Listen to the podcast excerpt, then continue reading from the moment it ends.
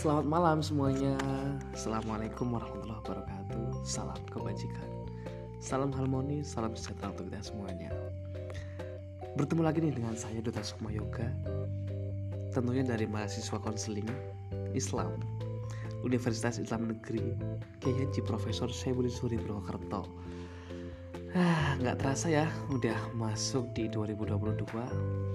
Sudah meninggalkan lembaran-lembaran rama di 2021 yang mungkin. Banyak sekali pengalaman-pengalaman main bersama teman-teman semuanya. Dan menghasilkan sebuah kenangan yang manis, yang pahit dan lain sebagainya yang pokoknya ya. Intinya tidak bisa disebutkan dan itu sangat banyak sekali dalam kurun waktu satu tahun. Pastinya juga banyak dari kita yang belum mencapai apa-apa yang sudah kita tentukan untuk menempuh atau memperjuangkan tujuan kita. Tapi tidak masalah, masih alhamdulillah ya, masih diberi umur yang panjang.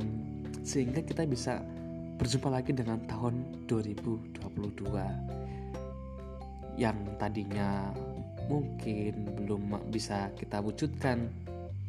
Masih banyak kesalahan-kesalahan itu menjadi bahan evaluasi untuk kita untuk melangkah ke kehidupan baru atau lembaran baru di tahun ini Bismillah ya semangat. Oke enaknya ngapain ya malam ini ya?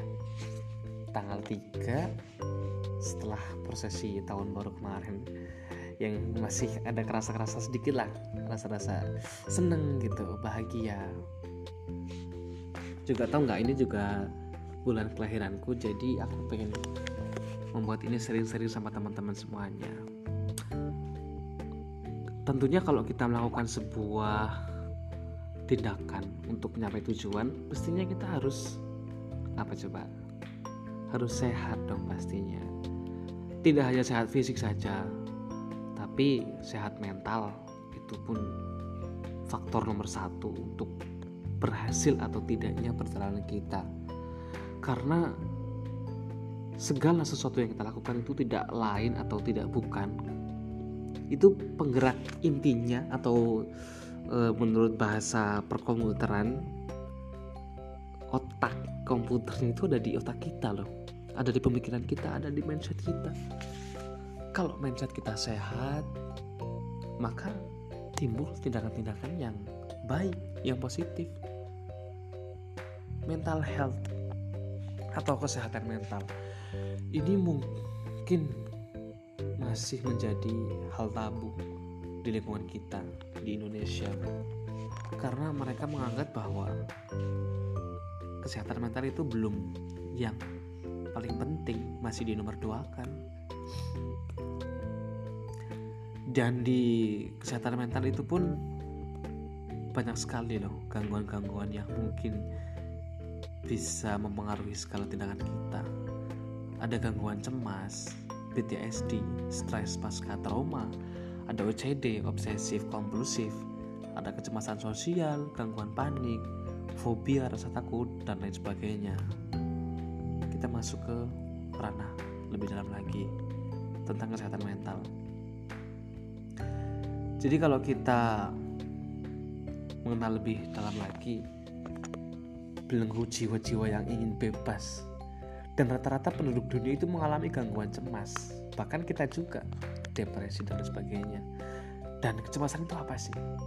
Kecemasan merupakan sebuah kondisi emosional yang dirasakan sebagai antisipasi akan ancaman di kemudian waktu.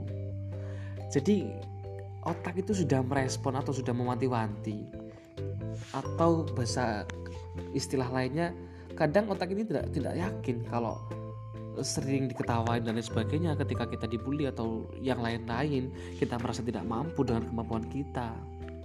Dan itu pun yang sampai sekarang masih dianggap oleh orang lain bahwa kesehatan mental ataupun depresi dan lain sebagainya itu dianggap sebagai bahan tertawaan loh buat apa untuk teman-teman semuanya. Dan ini pun menjadi faktor yang sangat salah.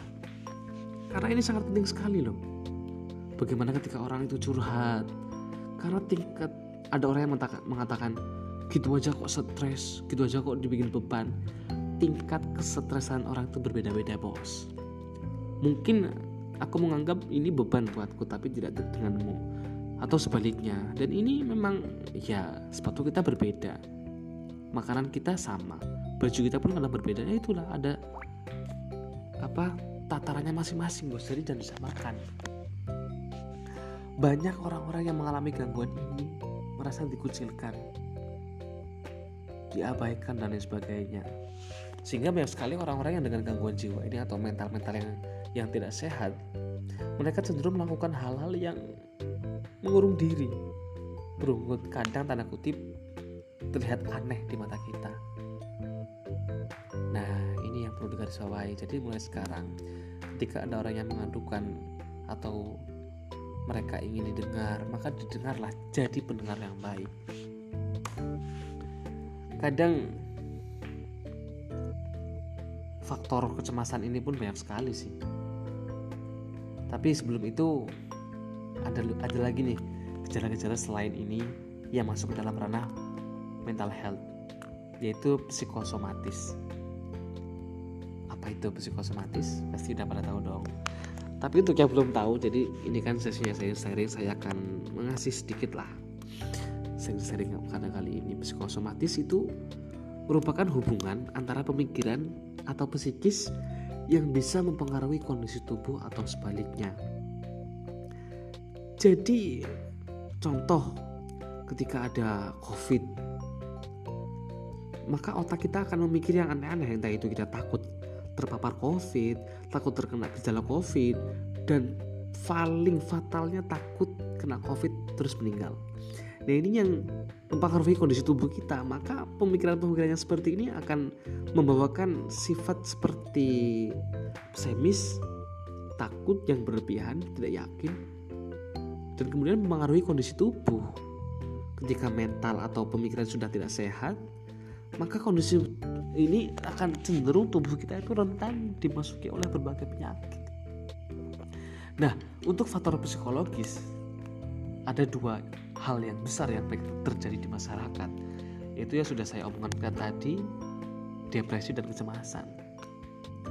Nah, depresi pun ada dua jenis, Bro. Ada minor dan mayor.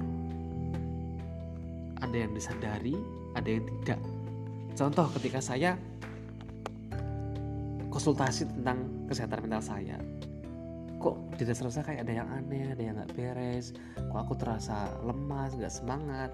Dan itu kita sadar bahwa kita itu mengidap penyakit depresi atau gejala gangguan mental dan kita pun melakukan konsultasi kepada ahlinya ataupun bercerita kepada orang terdekat kita yang kita percayai. Tapi ada juga yang mayor yang tidak kita sadari. Kita terlalu apa ya menganggap semuanya itu biasa-biasa aja. Bahkan menjadi orang yang kita lihat uh, mengidap penyakit ini malah kita tertawakan tidak sadar bahwa kita sendiri mengidap penyakit tersebut. Dan anehnya lagi ketika kita merasa atau gejala kita ini sudah semakin mendalam kita merasa nggak sadar bahwa kita itu sebenarnya sedang mengalami depresi atau gangguan jiwa tersebut gangguan mental. Masuk ke kecemasan Nah ini pun di kecemasan ada beberapa pembagian sob. Ada cemas yang positif dan negatif tentunya. Contoh cemas yang positif ketika sobat-sobat semuanya ingin melakukan atau melaksanakan sebuah ujian akhir semester misalnya kayak sekarang ini kan saya sedang mengalami atau sedang ujian akhir nih sob di semester ini maka saya cemas nih cemas takut nilainya itu nggak memuaskan. Takut nggak bisa membahagiakan diri sendiri dengan nilai yang jelek. Dan takut-takut yang lain mengenai hasil ujian akhir ini. Maka eh, akibat atau efek yang ditimbulkan dari cemas yang positif ini bahwa tahu besok akan ujian maka actionnya yaitu kita akan belajar.